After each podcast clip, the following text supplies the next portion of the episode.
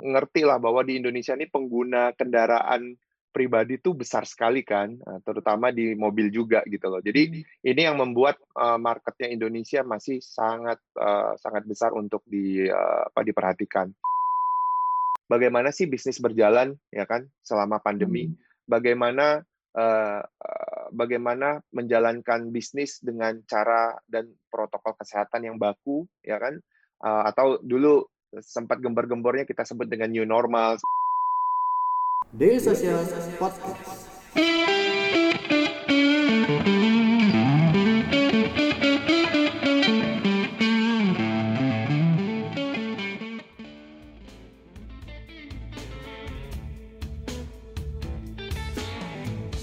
Halo, selamat malam teman-teman semua. Semoga semua dalam keadaan baik ya. Senang sekali bisa kembali bergabung di acara Selasa Startup oleh Daily Sosial bersama saya Christine sebagai moderator. Um, hari ini kita kedatangan tamu spesial nih, Mas Deli Nugraha, the General Manager dari Karsam Indonesia. Um, hari ini kita bakal ngebahas topik tentang how Indonesia's automotive startups facing pandemic and recession. Seperti kita tahu ya, uh, riskan sekali ya pandemi dan resesi yang sedang berjalan di negara kita ini. Um, tapi sebelum kita mulai sesi diskusi uh, di Selasa Startup, aku mau ngucapin terima kasih dulu kepada Fentiwan dan Apiari yang udah mendukung jalannya Selasa Startup sebagai media partner kita. Um, also aku juga mau ingetin buat para audiens um, isi survei Selasa Startup ya untuk kesempatan mendapatkan voucher Udemy sebesar Rp75.000. Linknya ada di description box. Boleh dicek dan boleh langsung diisi aja. Nah, nanti selesai, setelah selesai sesi diskusi, uh, kita juga bakal ada sesi tanya jawab. Uh, buat teman-teman yang mau bertanya, bisa langsung drop pertanyaan di live chat kita. Nah, nanti akan aku bacakan satu persatu. Oh ya, uh, bagi penanya terbaik, uh, kita juga bakal kasih voucher tambahan dari Udemy. Jadi jangan sungkan ya, silakan semuanya bertanya banyak-banyak ya. Oke, um, kita langsung aja nih ke Mas Deli. Apa kabarnya nih Mas? Baik, Kristi, apa kabar? Dengar-dengar Karsam hari ini baru mengumumkan nih. Congratulations dulu deh Mas, selamat ya. Terima kasih, ya. alhamdulillah, alhamdulillah pencapaian ya. ya yang luar biasa lah buat Karsam. Ya, uh, nanti kita bakal bahas lebih lanjut lagi nih di sesi Q&A-nya. Jadi sekarang uh, boleh kenalan dulu deh Mas Deli dan uh, dengan tentang Karsam juga boleh share sedikit apa sih Karsam, gimana uh, bis model dan apa aja yang ditawarkan oleh Karsam ini. Oke, okay, um, terima kasih sekali lagi Christine dan teman-teman Daily Sosial. Um, ya selalu jadi kehormatan lah kalau udah ngomong sama Daily Sosial sih. Aduh luar biasa lah. Jadi kita berterima kasih banget. Jadi um, kita review apa ya? Kita recall sedikit uh, mengenai Karsam sendiri. Karsam adalah platform uh, jual beli mobil bekas di mana bisnis model kita adalah sebenarnya consumer to business yang sekarang lagi kita terapin. Jadi kita menerima customer-customer kita, pelanggan-pelanggan kita yang uh, ingin menjual mobilnya, ya. Kemudian nanti kita akan bantu untuk menjual mobilnya dengan cepat, kemudian prosesnya juga nggak ribet, uh, dan yang paling penting adalah prosesnya transparan sehingga uh, pelanggan benar-benar mengetahui sebenarnya mobil ini uh, kondisinya gimana, terjual di harga berapa, itu akan membawa kepuasan bagi si pelanggan sendiri. Nah, Karsam sendiri sudah uh, sudah beroperasi di Indonesia sudah cukup lama, sudah sudah empat tahun, dan juga kita sudah uh, melayani uh, pelanggan Indonesia sejak pertama kita uh, ada di Karsam, eh, ada di Indonesia. Nah, uh, tadi uh, yang jelas kita um, apa ya berada dalam situasi yang sangat uh, menggembirakan hari ini, di mana kita baru mengumumkan pendanaan baru. Oke. Okay. Um, ya, tapi membawa berita baik. ya, um, aku mau tanya dulu deh, kan uh, gimana sih menurut uh, Mas Deli sendiri tuh tentang perkembangan startup yang bergerak di bidang otomotif secara umum nih di Indonesia sendiri? Oke, okay, um, sebenarnya kalau misalnya kita ngomongin secara umum dulu ya, uh, mungkin nggak nggak harus selalu uh, nggak belum belum harus kita hubungkan ke startup ya. Mm-hmm. Jadi secara potensial uh, uh, pasarnya uh, otomotif sendiri, terutama di mobil bekas, uh, Indonesia itu masih punya potensi yang sangat besar ya. Jadi marketnya itu masih uh, besar sekali untuk di istilahnya untuk dikembangkan baik dari sisi uh, tradisional maupun dari sisi teknologi. Jadi dan itu um, kenapa di Indonesia masih sangat gede karena tahu sendirilah ya Christine dan juga teman-teman yang lain pasti dan uh, apa uh, ngerti lah bahwa di Indonesia ini pengguna kendaraan pribadi itu besar sekali kan, terutama di mobil juga gitu loh. Jadi hmm. ini yang membuat uh, marketnya Indonesia masih sangat uh, sangat besar untuk di uh, apa diperhatikan. Dan yang jelas um, kita punya uh, apa istilahnya punya perhitungan internal kita bahwa uh, pasar mobil bekas di negara-negara Asia Tenggara itu 80 persennya didominasi oleh tiga negara saja, yaitu Indonesia, Malaysia, dan Thailand. Jadi bayangin di seluruh Asia Tenggara ini 80 persennya itu sebenarnya marketnya cuma ada di tiga negara, termasuk Indonesia di situ. Jadi ini yang membuat um, uh, potensi uh, pasar mobil bekas ini sangat uh, besar, salah satunya di Indonesia. Kemudian kalau misalnya kita tilik sedikit apa yang sudah dilalui oleh uh, industri ini uh, sejak pandemi ya, kita bisa melihat bahwa um, market di Indonesia sendiri, pasar di Indonesia ini sudah uh, mulai balik lagi nih, Christine. Jadi kita udah melihat pertumbuhan yang uh, apa uh, positif sejak hmm. beberapa bulan yang lalu. Dan yang jelas uh, dari sisi Karsam sendiri, kita pertumbuhan kita udah double uh, apa dua kali lipat dibanding pas uh, sebelum uh, apa uh, pandemi COVID-19 ini. Nah, jadi untuk uh, apa ya me, memberikan ulasan yang lebih simpelnya atau kesimpulannya adalah market di Indonesia ini kan uh, untuk mobil bekas itu biasanya mengalami uh, atau menemui uh, tiga kendala utama. Yang pertama biasanya lama, ya kan? Mm. Kalau bisa kita kepikiran, aku pengen jual mobil bekas nih, lama gitu, harus mm. mikirin banyak hal lah, ya kan? Belum lagi ngurus surat-surat apa. Yang kedua biasanya ribet, ya kan? Harus apa uh, banyak Ketemu sekali ini. dokumen yang harus diurus, yeah. yes. Datang ke dealer-dealer misalnya, ya kan? Terus yang ketiga itu uh, sebenarnya ribetnya lebih ke karena tidak ada standarisasi aja. Yang ketiga hmm. adalah transparansinya yang tidak ada. Jadi hmm. kalau misalnya kita jual mobil ke uh, antar teman atau mungkin keluarga, sebenarnya kan kita nggak tahu sebenarnya ini mobil dijual berapa sih? Ya potensi mobil mobil bekas saya ini bisa terjual berapa. Nah inilah uh, yang membuat Karsam hadir karena kita memberikan layanan yang nggak ribet, terus uh, cepat, sama yang jelas kita transparan. Jadi kalau memang mau uh, udah jual mobil di Karsam, uh, teman-teman yang jual mobil tuh bisa tahu sebenarnya ini lakunya berapa. Jadi nggak perlu khawatir, oh ternyata harganya segitu. Dan Karsam memang memberikan saya uh, transparansi dari sisi penjualan, gitu sih. Hmm. Nah, challenge-nya uh, yang didapat dari situ adalah uh, berarti kan harus ada inovasi dan juga penyelesaian uh, solusi bagi masa-masa tadi kan. Nah, itulah yang ditawarin oleh Karsam. Gitu sih, Christine. Dek, ngobrol yuk. Ngobrolin apa, Bang? Ngobrolin startup bareng media sosial.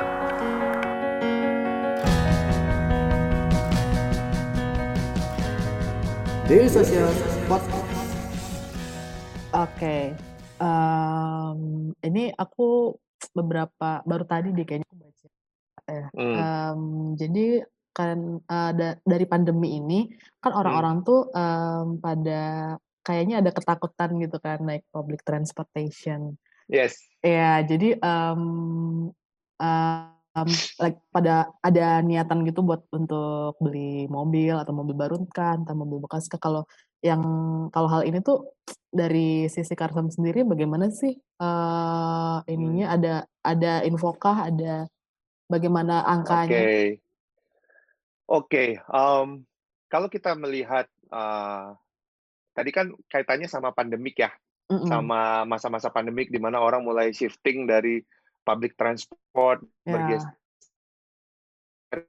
untuk nyoba mobil sendiri, kendaraan sendiri, motor maupun mobil.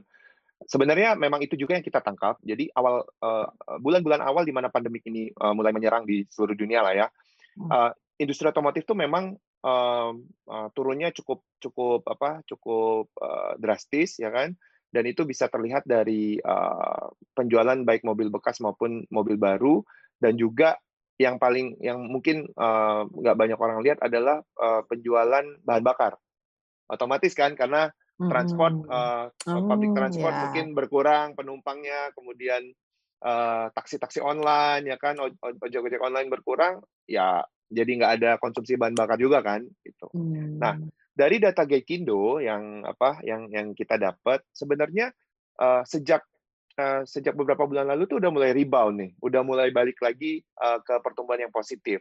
Karena uh, di bulan April itu penjualan mobil baru itu drop sampai sekitar 7.800-an unit kalau datanya oh. dari Gaikindo.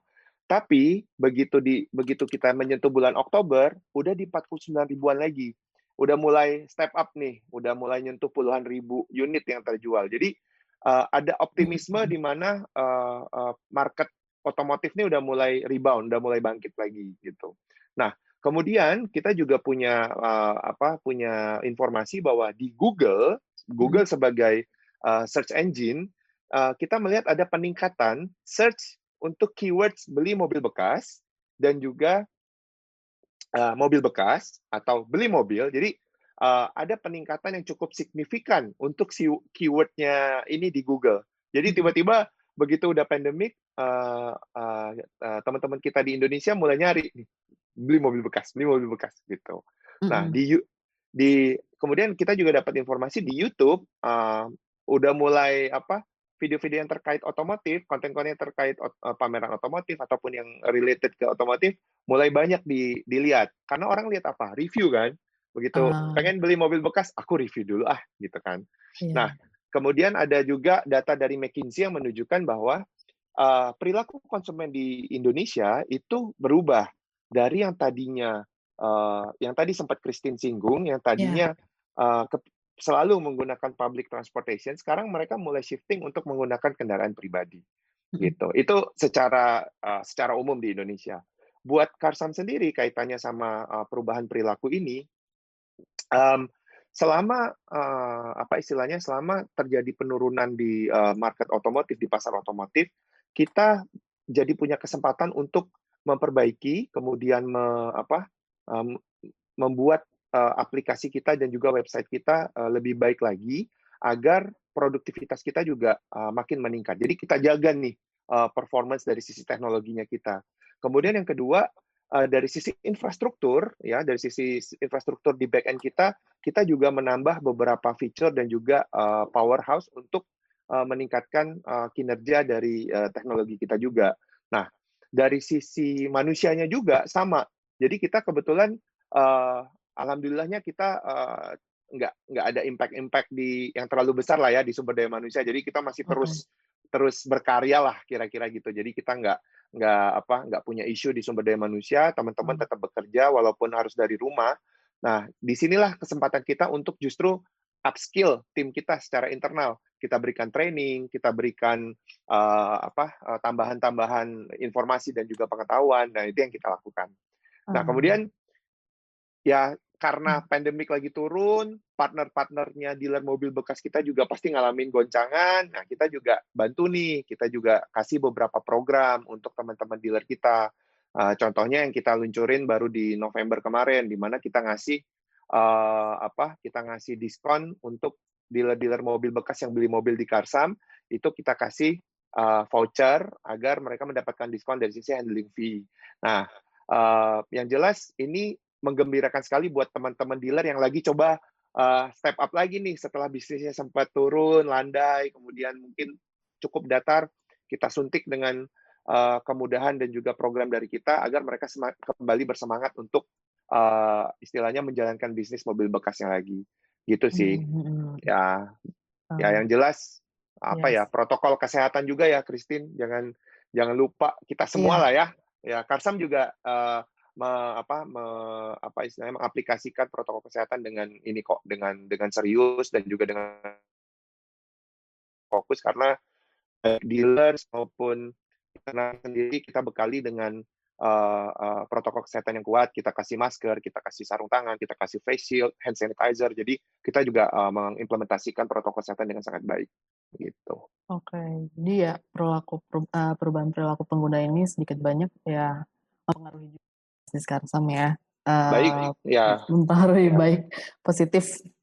Ya, uh, secara positif, secara positif kita juga mulai rebound lagi setelah sempat ter apa ter apa guncang imbas ya guncang guncang um, oke okay, mas uh, tapi kalau misalnya nih aku tanya um, uh, dari peran pemerintah sendiri itu ada nggak sih mas dalam membantu industri otomotif ini untuk dapat uh, bertahan dan berkembang dalam kondisi yang sulit. Ini secara kan ya masuk masa resesi juga ya.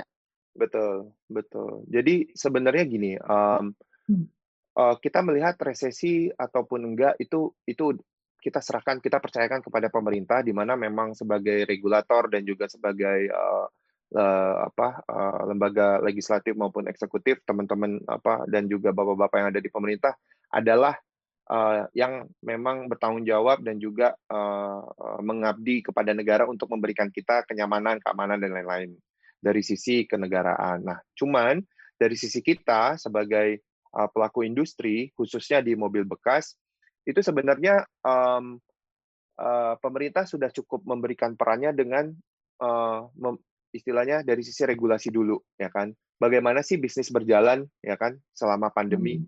bagaimana bagaimana menjalankan bisnis dengan cara dan protokol kesehatan yang baku ya kan uh, atau dulu sempat gembar-gembornya kita sebut dengan new normal segala macam kan ya. nah ya terus uh, kita juga apa istilahnya berharap pemerintah juga uh, semakin baik dalam uh, menganalisa kemudian mengeluarkan kebijakan-kebijakan yang akan uh, membantu kita dalam menem, uh, apa uh, menghalau atau me, istilahnya mengurangi ketidakpastian dari sisi ekonomi gitu kan. Nah, yang jelas uh, dari sisi Karsam, Karsam melihatnya ada beberapa opportunity, Kristen, ya kan. Jadi um, walaupun memang secara ekonomi kita uh, sempat diumumkan bahwa kita memang lagi dalam keadaan resesi, opportunity atau peluang yang kita uh, kita baca dari dari Karsam adalah yang pertama orang orang-orang kan mulai berpikir untuk uh, uh, berubah dari tadinya menggunakan public transport menjadi uh, kendaraan pribadi, ya kan? Transportasi umum jadi kendaraan pribadi. Nah ini peluang buat Karsam di mana ya, kita ber, kita membaca akan ada pergerakan demand yang uh, cukup positif ya kan orang udah mulai nyari-nyari apa nyari-nyari mobil bekas gitu kan nah kenapa mobil bekas yang dicari satu karena harga ya kan yeah. Ya. uh, uh, apa ya kan pasti kalau beli mobil baru pasti lebih mahal lah lebih ya mahal kan? betul kedua ya pasti pilihannya juga lebih banyak karena uh, pe pemasar mobil bekas kan banyak nah di sisi supply juga menarik uh, ada orang-orang yang justru karena kondisinya memang uh, pandemi ini mengurangi aset uh, yang depresiatif, contohnya mobil, ya kan? Contoh misalnya ada keluarga yang punya mm. satu mobil buat ayah, satu mobil buat ibu, ibu. satu mobil anaknya misalnya.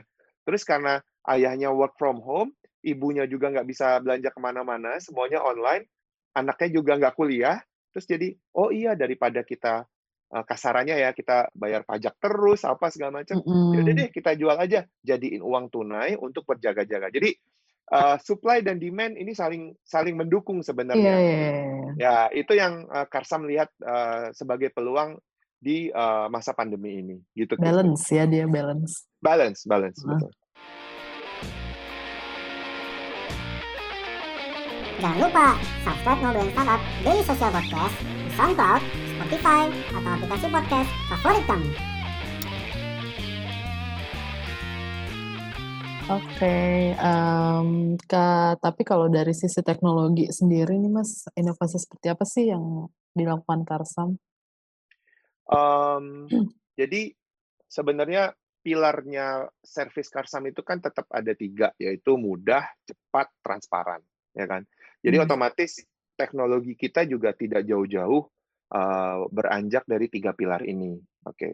Nah, yang jelas um, karena kita di startup, kita ini punya keleluasaan, kelenturan, kemudahan untuk menerapkan berbagai macam ide dan juga teknologi yang uh, akan membantu kita untuk memecahkan uh, atau menemukan solusi-solusi bagi problem baik di internal kita maupun di uh, customer dan juga uh, kita. Contohnya kita sekarang kita, halo? Halo, iya agak putus-putus. Boleh diulang sebentar ya? Oh, udah, udah, udah, mas. Udah, ya agak putus-putus tadi. Sorry, sorry. Mungkin koneksinya. Iya, iya. Ya udah ya. boleh lanjut, Mas. Oke, okay, jadi uh, karena pilarnya ada tiga, uh, mudah, cepat, dan juga transparan, kita juga teknologinya mengarah ke situ juga gitu loh. Jadi kita memperbaiki, tadi kan saya udah sempat bilang, selama masa pandemi, kita jadi punya kesempatan nih untuk memperbaiki uh, dan juga uh, untuk membuat platform kita jadi lebih baik dari sisi teknologi. Nah, jadi sekarang kalau teman-teman mau menggunakan uh, Karsam sebagai uh, platform penjualan mobilnya, kita bisa menyediakan platform kita ini masuk ke website kita semuanya lebih cepat. Dalam waktu uh, hanya uh, sekian sekian menit kita akan telepon untuk men, men, uh, mengkonfirmasi lebih jelas, mengkonsultasikan penjualan mobilnya, kemudian nggak perlu uh, ribet karena dari sistemnya kita kita sudah bisa membaca uh, uh, apa uh, mobilnya tipenya apa, kemudian kita juga akan menyediakan layanan pemeriksaan mobil secara gratis. Jadi kalau misalnya kayak Christine jual mobil ke Karsam, itu hmm. kita akan bantu ngecek mobilnya. Uh, Christine uh, ada ada mungkin ada sedikit goresan di uh, bodi sebelah kanan, bodi sebelah kiri. Nah, itu yang akan kemudian kita konsultasikan hmm. dan itu uh, setelah itu uh, kita akan sajikan semuanya secara transparan, nggak ada yang ditutup-tutupin. Jadi kalau misalnya detail uh, ya, detail, Christine mesinnya kayaknya begini nih, gitu kan, uh, Pak Bu uh, bodinya sepertinya kondisinya seperti ini. Jadi kita sajikan semuanya secara transparan dan yang jelas gratis. Jadi udah udah hmm. kita kita cek, udah kita kasih gambaran uh, kondisi mobilnya, kemudian kira-kira uh, konsultasikan penjualannya gimana, itu semua gratis layanan dari kita. Nah jadi teknologi-teknologi kita tuh memungkinkan kita untuk mengerjakan semuanya lebih cepat. Ya. Nah, kalau saya lebih sedikit lebih bahas di teknologi, untuk hmm. ngecek mobil kita udah punya uh, aplikasi dari sisi internal kita yang akan menuntun pemeriksaan pengecekan mobil itu menjadi lebih cermat dan lebih teliti. Karena kita punya poin-poin hmm. apa aja yang harus dicek gitu kan. Termasuk kita bisa nyimpan fotonya, kita bisa uh, ngelihat detailnya secara lebih cermat gitu. Dari sisi rekan-rekan dealer mobil bekas kita juga sama. Jadi sekarang mereka punya aplikasi yang uh, namanya car dealer yang bisa uh, uh, istilahnya mereka juga jadi bisa melihat mobil-mobil yang kita tawarkan kepada mereka itu hmm. dengan lebih detail, ada oh, fotonya. Semua ada di aplikasi nih ya. Betul, ada oh, fotonya. Okay. Jadi teman-teman kalau misalnya dia uh, dealer mobil bekas mau beli mobil di Karsam, uh, teman-teman dealer ini bisa pakai aplikasi car dealer untuk melihat uh, mobilnya tipe apa, tahun berapa, warna apa, fotonya gimana, kemudian uh, apa catatan-catatan dari pemeriksaannya Karsam, kemudian harganya berapa, kemudian mereka akan uh, akan uh, membeli mobil tersebut dari Karsam. Jadi teknologi dari sisi customer uh, baik hmm. internal maupun eksternal dan juga teknologi uh, dari sisi rekan kita di uh, apa uh, dealer-dealer mobil bekas juga kita uh, apa ya kita bikin lebih baik sekarang gitu. Lebih seamless lah ya. Yes. Hmm. Oh, bahasanya bahasanya techy banget seamless. Oke. Okay. Bahas teknologi, Mas. Oke, okay, uh, eh, itu dari sisi teknologi ya. Um, aku mau ah kita lanjut ke ini aja Mas yang baru-baru yang pendanaan nih. Um, boleh kali ya kita bahas sedikit ya. Um, boleh, buat boleh, boleh.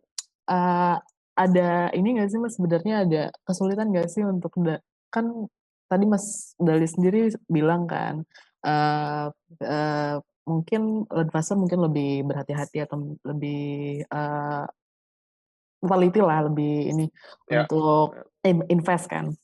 Yeah. Nah, uh, ada kesulitan nggak sih waktu mau coba uh, raise funding um, dan dengan dananya ini sendiri tuh sebenarnya targetnya seperti apa untuk Karsam sendiri?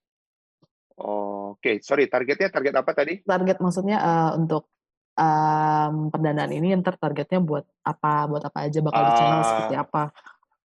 Oke, okay, oke, okay, oke. Okay. Jadi um, kita bahas yang pertama tadi ya, Christine. Uh, yes. Apa istilahnya? sulit atau gampang gimana nih soal ini kan startup ya maksudnya uh, pas cari pendanaan segala macam terus terang sebenarnya saya nggak um, apa ya nggak nggak punya otoritas buat jawabnya karena uh, dalam proses tersebut uh, um, uh, apa di, dilakukan oleh teman-teman di grup partner kita di apa uh, di di markas besar lah ya. Jadi uh, itu yang yang yang kita uh, yang kita terima informasinya. Tapi kalau dibilang susah gampang, saya mungkin ngejawab uh, ngejawabnya lebih ke um, tergantung kita memanfaatkan peluang yang ada, ya kan. Kalau memang uh, kita lihat secara peluang usahanya memang uh, justru akan mem memberi solusi untuk uh, uh, stakeholders ya kan? Siapa pun orang yang bersinggungan dengan bisnis ini kenapa enggak ya kan? Berarti itu akan jadi sesuatu yang bisa kita jual dalam tanda kutip untuk mengembangkan teknologinya. Itu sih yang bisa saya infokan. Nah kalau ditanya pendanaannya buat apa sebenarnya kita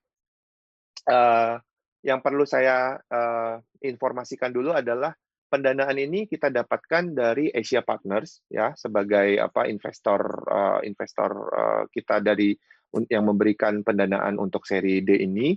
Kemudian ada juga dari uh, Berda uh, Berda uh, BPI kita sebut dengan uh, kita sebut dengan BPI.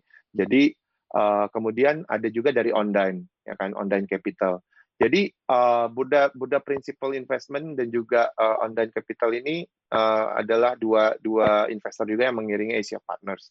Nah, um, kalau ditanya untuk apanya, yang jelas pertama kita akan mengembangkan dan juga uh, meningkatkan kinerja uh, uh, model bisnis kita yang sekarang lagi kita jalanin, yaitu uh, customer to business. Nah, dan juga kita juga akan uh, menggunakannya untuk mengembangkan bisnis model baru yang sedang kita persiapkan. Dan sebentar lagi juga kita uh, merencanakan untuk di launching di Indonesia. Jadi uh, bisnis baru kita itu arahnya lebih ke uh, bisnis to cost customer atau bisnis to consumer, di mana um, kita akan menjual mobil-mobil yang ada di stoknya Karsam langsung kepada uh, customer gitu. Tentu saja dengan apa istilahnya nilai jual yang lebih baik, kondisi mobil yang juga kita jaga ya. Nanti kita mungkin akan bahas lebih banyak di situ, tapi yang jelas um, investasi ini akan kita dorong untuk uh, mengembangkan uh, bisnis model yang kita punya sekarang agar lebih baik dan juga uh, meluncurkan bisnis model kita yang baru segera nanti di tahun depan. Oke, ditunggu mas.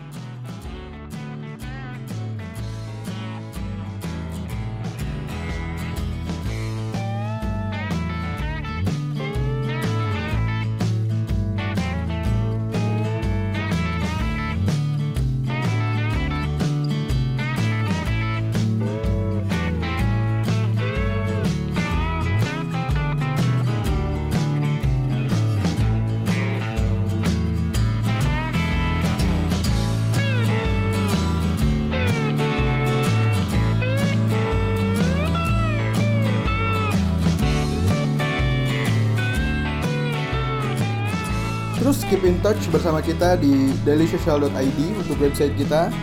Di Facebook kita ada dailysocial.id, di Twitter kita ada @dailysocial dan di Instagram kita ada @dailysocial.id. Di LinkedIn kita ada Daily Social dan di YouTube kita ada Daily Social.